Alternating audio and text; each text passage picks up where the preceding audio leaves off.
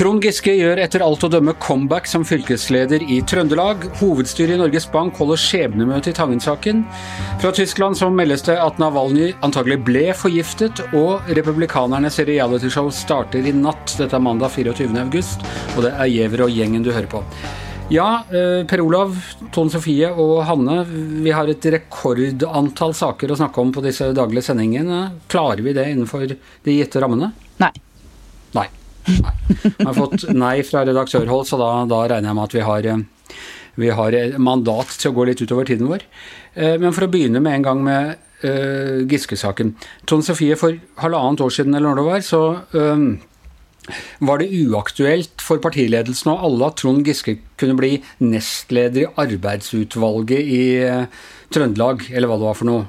Og nå står han uten utfordrere til eh, vervet som leder for hele fylkeslaget. Hva har skjedd i løpet av de 18 månedene? Kan du komplisere med å si at premisset for spørsmålet ditt er litt feil. Jeg tror nok at han kunne ha blitt eh, nestleder eller havna i arbeidsutvalget. Så kom Bar Vulkan og alt det som vi kjenner, men det ville jo vært med mye mer bråk og motstand, så det var en annen situasjon. Det som har skjedd, eh, tida har gått, tida leger alle sår, er noe som heter, og Trond Giske har brukt eh, tida godt i Trøndelag. Han har reist mye rundt, eh, spist mye vafler, drikket mye kaffe, bygd tillit i partiet, opplever nå at det er et, et stort flertall i, i, Trøndelag som ønsker han tilbake, men det betyr jo selvfølgelig ikke at det ikke er motstemmer, og han blir neppe valgt enstemmig. Er det politisk mulig for resten av Arbeiderpartiet å få ham på plass i denne jobben? Hanne Skartveit? Ja, De har jo ikke noe valg. Det er klart at Vi har jo sett hver gang eh, Trond Giske har meldt seg på den politiske arenaen, så har det vært veldig sterke motkrefter. Særlig i Oslo-miljøet og rundt kvinnebevegelsen. Eh, men når han nå først blir, hvis han dersom han blir leder i et av de største fylkeslagene i Arbeiderpartiet, så må partiet bare forholde seg til han. De har ikke noe valg. Så da må man enten forsones eller tenke at det blir mangeårig strid framover og like uforsonlig og skadelig for partiet. Ja, nei, jeg deler den uh, vurderinga til Hanne, og noe som har egentlig overraska meg når jeg snakker med folk i Oslo om, uh, om Giske, er hvor uh, hvor utrolig lite populær han er. Det, det er åpenbart masse bitterhet og, og, og mye mer enn metoo som ligger til grunn for at det, at det er en avgrunn der. og vi har jo også sett at det har vært veldig mye støy for alt han har gjort. Eh, problemet er jo nå, når han nå blir fylkesleder etter alle solemerker, han kommer jo til å fortsette på Stortinget, det er ingenting som tyder på at han eh, kommer til å gi seg, så må jo partiet på en eller annen måte forholde seg til han. Og jeg tror i hvert fall at Trond Giske har vist at han eh, lar seg ikke akkurat stoppe så lett. Så, så det er et eller annet med at partiet må vel klare å leve med han for, for å ikke bli ødelagt, da. men jeg tror det er veldig vanskelig for mange. Klarer partiledelsen å leve med det, Hanne? Ja, De har jo ikke noe valg, men vi vet jo at det er veldig dype motsetninger, særlig mellom Trond Giske eh, og Hadia Tajik. De var jo nestledere sammen, og det var et dysfunksjonelt forhold i partiledelsen den gangen. Eh, de snakket knapt sammen, det var eh, gjensidig mistillit hele veien. Sånn at Jeg tror det blir veldig vanskelig. Men som sagt, man har jo ikke noe valg. Og dette er jo ikke en et, det er ikke arbeidslivet, det er ikke en bedrift. Det er et parti hvor det er maktkamper, ulike miljøer ulike politiske retninger. Det, og Arbeiderpartiet er jo virkelig det partiet i Norge hvor det har vært maktkamp bestandig. Vi husker jo tilbake til både Torbjørn Jagland og Jens Stoltenberg, til Einar Gerhardsen og Håkon Lie, til Gro Harlem Brundtland og Rauf Steen. Det har vært dype, vonde konflikter i Arbeiderpartiet i mange lange perioder, også tidligere. Men Tone Sofie, er dette i ferd med å bli en, enda en sånn by mot land eller eh, eh sentrum-periferi-konflikt som jeg synes liksom virker som all politisk kamp i Norge i dag eh, tegnes ut fra et sånt kart? Ja, det er, det er litt forenkla, men, eh, men, men, likevel noe i det. Og når jeg sier på en måte at uh, Giske er langt på vei populær i Trøndelag, så kommer det alltid en, uh, en kø med hender som vil ha seg frabedt at de liker Giske i Trøndelag. Det, det, er jo ikke så enkelt, men jeg opplever et ganske stor uh, forskjell i synet på han fra Eh, særlig Trøndelag, men jeg hører også det samme mye Nord-Norge og distriktene. Eh, enn en kanskje særlig Oslo, da, men også det sentrale miljøet. Eh, jeg tror også kommentator eh, som vi representerer, jeg tror ikke de er helt representative på, i den saken, har vært. Og, det er nok en utfordring eh, som gjør at det her framstår kanskje enda mer polarisert. Men så har også Giske vært eh, vært både flink og lur. Noen mener jo at han seiler under falskt flagg med det at han har benytta det er liksom det rommet i Arbeiderpartiet til å reise mye rundt, eh, snakke liksom på grasrota på en måte som folk eh, forstår. Så han har også vært veldig flink til å ta det rommet i Arbeiderpartiet, som, som jo det partiledelsen må, må, vel ta litt skylda for at det har vært vidåpent. Så er det interessant, da. Dette med by, land og elite, folk flest, hvor da motsetningen har vært mellom Hadia Tajik og Trond Giske gjennom mange år. Og han er fra storbyen Trondheim, har vært en del av det eh, sentraliserte maktapparatet i mange, mange år. Hun er fra en liten bygd på Vestlandet og er mye nyere inne i politikken. Så er det klart det bygges noen motsetningsbilder som ikke nødvendigvis gjenspeiler det som er realitetene. Nei, og jeg tror nok det handler mer om personlighetstyper, hvordan man kommuniserer, hvem man appellerer til. Og det er jo det som mange sier, at Trond Giske har jo virkelig vært en del av eliten, eh, og nå plutselig jeg liksom blitt en sånn anti-elitist Eh, men det funker jo. Jeg har sett den i aksjon eh, mange ganger, og folk, mange der ute i hvert fall, er veldig imponert over han. Og tilbakemeldinga fra folk i Arbeiderpartiet som jeg snakka med i går, er liksom det at det de hører, er at folk vil ha Trond. Så, så det er åpenbart en skikkelig kløft der. Å være, eh, å være medlem av eliten er, ikke til hinder for å være antielitist. Det har vi sett mange eksempler på i, i, de siste årene. Blir eh, spennende å følge denne saken, følge hvordan dette går, ikke minst um, i eh, ledelsen i Arbeiderpartiet fram mot uh, stortingsvalget til neste år. Uh, en annen sak hvor politikerne virker som de, de står mer i last og brast uh, og litt mer mot omverdenen, det er um, Tangen-saken, Hanne, hvor det skal være skjebnemøte i dag. Kanskje allerede vært når folk hører på denne podkasten? Ja, klokken to begynner hovedstyremøtet i Norges Bank. Da er også Nicolai Tangen selv til stede. Bakgrunnen er jo at et enstemmig storting, alle partiene, eh, på fredag kom fram til felles merknader til eh, innstillingen rundt Tangen-saken. Hvor de sier at uh, oljefondsjefen ikke kan ha eierskap eller interesser som skaper eller kan fremstå og skape interessekonflikter som er egnet til å svekke tilliten. Kan ikke svekke arbeidet med skatt og åpenhet, og at det må avklares før tiltredelsen 1.9. Så at uh, nå lurer jo alle på ender dette med at da uh, Tangen trekker seg, andre trekker seg i dag. Ender det med at Norges Bank og, og Tangen i fellesskap kommer fram til en ny avtale som de håper å kunne få aksept for i Stortinget? Vil stortingsflertallet, eller vil, det, vil man fortsatt ha enstemmighet i Stortinget? Stortinget dersom det kommer en ny avtale som er noe moderert.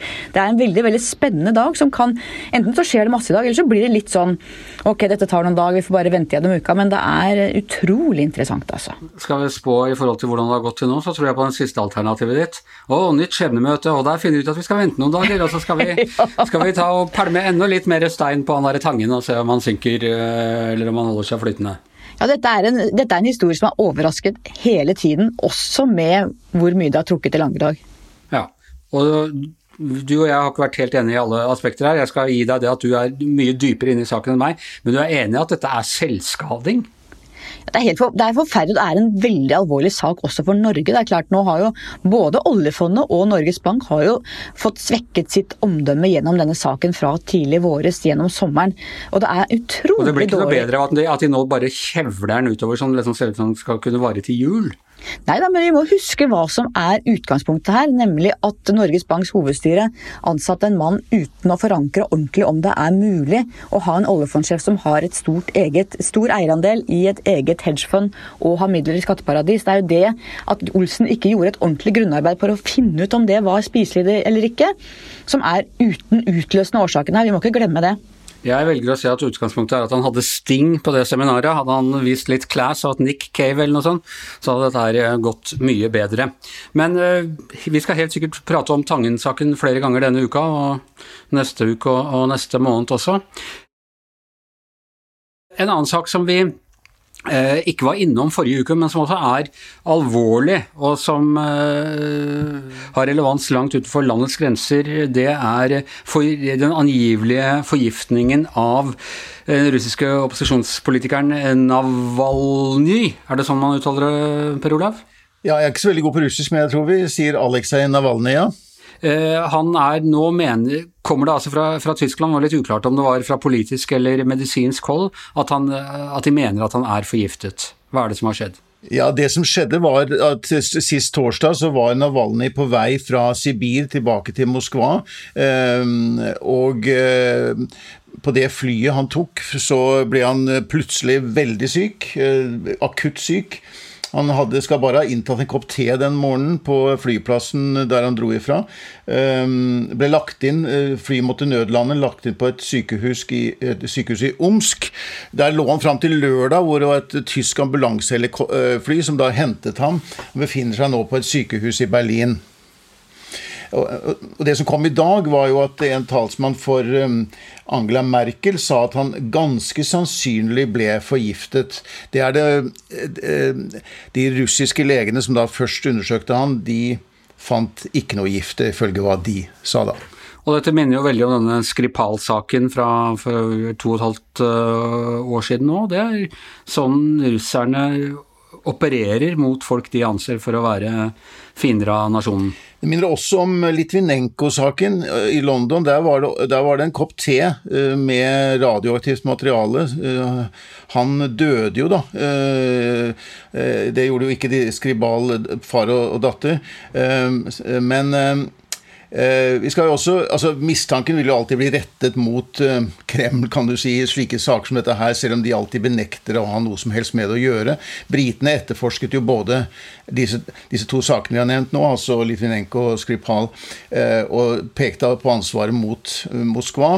Men vi skal også huske på at Aleksej Navalnyj han har gjort seg kjent da, som en eh, mann som har avdekket eh, korrupsjon og maktmisbruk på mange nivåer, eller, og på høyt nivå i Russland. Og den som driver og graver og eh, legger ut dokumentasjon om økonomisk korrupsjon og slike ting, han får mange fiender i det, slik som i dagens Russland. Så her kan mistanken gå i flere retninger. Men det, det, vil være Altså, det kommer ikke noe innrømmelse fra, tyske, nei, fra russiske myndigheter på at uh, de har forgiftet han her? Dette er Nei, overhodet ikke. Dette, dette er en ganske arrogant um, måte å vise muskler på, er det ikke? De sier bare at dette er et medisinsk problem, og dette har ikke, dette, de har jo ikke Det har jo kommet noen uttalelser der, og de har jo da De lot jo da et tysk eh, ambulansefly hente ham ut, da, men da hadde jo allerede gått noen dager, uh, og det kan jo bli Og vi har jo ikke ikke hørt noe konkret om hva slags gift han eventuelt skal ha blitt ha fått i seg. Ehm, men det vi skal ha i bakgrunnen her, er jo at han er på en måte regnet som kanskje den ledende opposisjonelle i dagens Russland. Vi vet hvordan, eh, hvordan, det, hvordan Russland er blitt stadig mer autoritært, hvordan de behandler sine politiske opposisjonelle, og hvordan de også blander seg inn i demokratiske valg og i demokratiske prosesser i andre land. Eh, så det er jo et veldig Og, og han, han har en lederposisjon der. Han har forsøkt å stille til valg mot Putin, han har ikke fått lov til det. Eh, for de har vist til eh, eh, dommer som han selv sier er politisk betingede. Han har vært mange ganger inn og ut av fengsel, blitt arrestert, arrangert store demonstrasjoner mot Putin. Så han er, han er, Og mange mener at han blir jo da ikke uten grunn kalt den mannen som Putin frykter mest. Er det noe som helst sjanse for at dette kan være hva skal si, private aktører som, som vil hjelpe mm, Putin. At det er ting som for så vidt ikke står under Putins kontroll, men som er eh, Vi vet jo han har kontakt med motorsykkelbanden og forskjellige sånne eh, ikke-statlige aktører. da. Ja, Det er derfor jeg også er inne på dette at vi skal være litt sånn varsomme liksom å si at det nødvendigvis altså Å peke ut hvem som har ansvaret her eh, direkte. Fordi det kan være mange som har et motiv for eh, å, å, å, Eh, gjøre noe slikt mot en, en, en, en sånn framtredende mann som eh, Aleksej Navalnyj. Altså rett og slett fordi at han jo da som jeg sier, avdekker korrupsjon eh, og, og, og, tråkker på veldig mange ømme tær i Russland. Han viser på en måte fram skyggesiden. Han viser på en måte sannheten ved samfunnet. Han viser fram skyggesidene. Og det er en farlig ting å gjøre i dagens Russland. Det har vi sett flere eksempler på. Det er ikke alltid at Kreml står bak. Ja, og apropos Russland, holdt jeg på å si. Vi må i dag eller i natt så starter eh, republikanernes eh, digitale eh, landsmøte etter å ha vært flytta location litt rundt i USA før man falt ned på den løsningen som er nå. Uh, og uh, det er vel særlig den skjermdumpen fra Fox med hovedtalerne har jo gått sin seiersgang over sosiale medier, hvor altså halvparten av de som skal tale, heter Trump til etternavn. Dette er rett ut av en sånn bananrepublikk republikk-greie, Per Olav? Ja, det er den delen av familien som ikke skriver uh, kritiske bøker uh, om han. Eller, er kilde for de kritiske bøkene. Ja, nettopp. Uh, så det starter jo, som du sier, i kveld, ja, i natt norsk tid. Og førstemann ut av liksom de ledende der er jo Donald Trump jr., da, som vel er kanskje det mest interessante navnet på denne første dagen. De skal jo lage en slags sånn uh, sammenhengende historie over fire dager som handler om den store amerikanske historien, kaller de det. Og første dag er da Land of Promise, altså løftets land. Og um, noen ser jo en uh, mulig framtidig politisk lederskikkelse i junior også. Uh, og han har jo blitt en uh, han, har jo, han styrer for så vidt butikken, altså Trump Trumps forretninger, farens forretninger nå, men han er også en veldig aggressiv og tøff forsvarer av presidenten. Men så må vi også i rettferdighetens navn si at det der å bruke familien, det er jo vanligere i amerikansk politikk. og Vi så nå på Demokratenes landsmøte, så var det herr og fru Obama, det var herr og fru Biden, det var herr og fru Clinton. Så de har riktignok delt opp disse dynastiene i tre istedenfor bare ett. Men det er ikke, det er ikke helt brudd med liturgien heller? Nei da, absolutt ikke. Det, det stor forskjell på disse to landsmøtene er jo at mens demokratene henter inn det som har vært av tidligere ledere, tidligere presidenter og sånn, så, jo, så får jo ikke republikanerne med noen av disse. Fordi, fordi George W. Bush han vil jo ikke være med på denne festen. Tidligere president Bush. Og alle de andre tidligere er døde? Ja, og presidentkandidat Mitt Romney fra 2012 han er jo den, den eneste republikaner som stemte for riksrett mot uh, Trump uh, i vinter. Um, og familien McCain vil vel heller ikke nei, stille opp? Nei, det vil de ikke. Så liksom det, det, den gamle generasjon av republikanere er ikke med her. Men derimot så er det som du sier, familien er sterkt uh, representert. Melania skal tale på tirsdag. Da er også pres andre presidentbarn Eric og Tiffany med med. Og den som skal da introdusere um, presidenten på den uh, siste dagen, det er jo da Ivanka Trump, altså en datter. Men den som skal tale aller mest, det er Trump sjøl. For uh, mens uh, vanligvis på disse landsmøtene så, så, lader man opp til kandidaten som skal tale siste dag, så skal Trump snakke hver kveld. Han skal på, han skal, alt, alt, handler om han nå, fordi part, republikanske parti er på en måte Trumps, er jo blitt Trumps parti. Det er jo ikke uvanlig at det skjer, men det er veldig uvanlig at én mann, én kandidat, så til de grader dominerer agendaen og partiet. Uh, så nå er det de lojale. Uh, men vi ser jo også at uh, selv om de aller fleste republikanske velgere støtter opp om Trump, og også de som er folkevalgte, så er det en hel del republikanere nå som, som går ut mot ham. Og i dag så er det jo da meldt at en 20-30 tidligere kongressrepresentant for republikanerne da har laget en ny eh, organisasjon med republikanere for Biden. Så det er ikke helt en, ensartet, dette. Nei, det er 10% av republikanerne som er uh, skeptiske. Resten, er, uh, resten lider av Stockholm-syndromet. Uh, ja, vi burde jo egentlig kunne snakke litt om, også om dette med, med søsteren.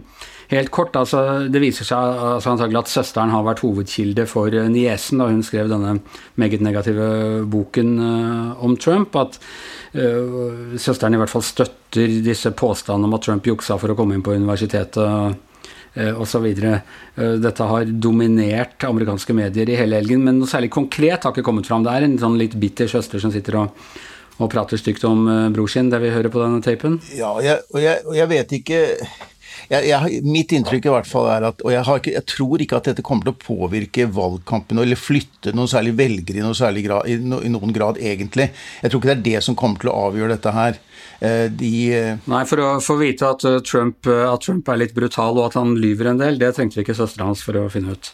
Nei, og dette handler om altså Jeg tror Trump nå kommer til å prøve å få Han kommer selvfølgelig til å slå hardt tilbake til det bildet som ble tegnet av amerikanske mørketiden, sånn som Joe Biden snakket om Eh, for noen dager siden, og heller si at dette har vært en tid med store seier og store framskritt. Hadde det bare ikke vært for pandemien, så hadde alt vært bare velstand. Men nå er Trump den som er best egnet til å få landet på fot igjen. Og den oppturen den skal bli noe man aldri tidligere har sett, osv. Og, så og at, eh, at eh, demokratene er styrt av radikale folk på ytterfløyen, og at Biden er en nikkedukke. Dette kommer vi til å høre mye de nærmeste dagene. Vi har jo hørt ham allerede beskrive Bidens Amerika, og da gir han egentlig beskrivelse av hvordan det er nå. Det Det er veldig rart. som i Oregon og Chicago og alle disse stedene. Som strengt tatt er under hans eh, på hans vakt. Ja, og det blir jo litt det blir, det, Han kan jo ikke helt holde den samme talen som han gjorde for fire år siden heller, fordi nå har han faktisk sittet med makten i, i fire år. Det er, han, det er på hans vakt disse tingene skjer. Men som vi vet, Trump tar ikke alltid hensyn til hva vi eh, kommentatorer mener han kan og ikke kan, og han klarte altså å bli valgt eh, forrige gang til tross for at han eh, brøt alle våre politiske lover. Så det blir spennende. Spennende å se om han nå også får en boost etter landsmøtet. Det, det gjør de jo gjerne. Eh, Vi, du skal sitte opp om natta og se på Tiffany og hele gjengen, du Per Olav? Ja, jeg skal være med i VGTV i morgen tidlig, sånn som jeg var under Demokratenes eh, landsmøte. Så jeg skal eh, i hvert fall få med meg eh, Donald Trump jr. i natt. Og så får vi ta det derfra utover i uken. Det blir jo Dette er jo på en måte innledningen til det store oppgjøret, så er det bare ti uker igjen til vi vet hvordan dette går. Det er helt sinnssykt spennende. Eh, Dere kan altså høre Per Olav på VGTV allerede i morgen tidlig. Så kommer du sikkert til å eh, kommentere det også på, på VG nett. Og så selvfølgelig kommer du hit og avlegger rapport i Gjever og gjengen. Vi er ferdig for i dag i hvert sitt hjemmestudio. Tone Sofie Aglen, Hanne Skartveit. Per Olav Ødegaard, Anders Giæver og vår fylkesleder, valgt ved akklamasjon på livstid på eh, alle podkastens landsmøter, heter Magne Antonsen. Vi høres igjen i morgen.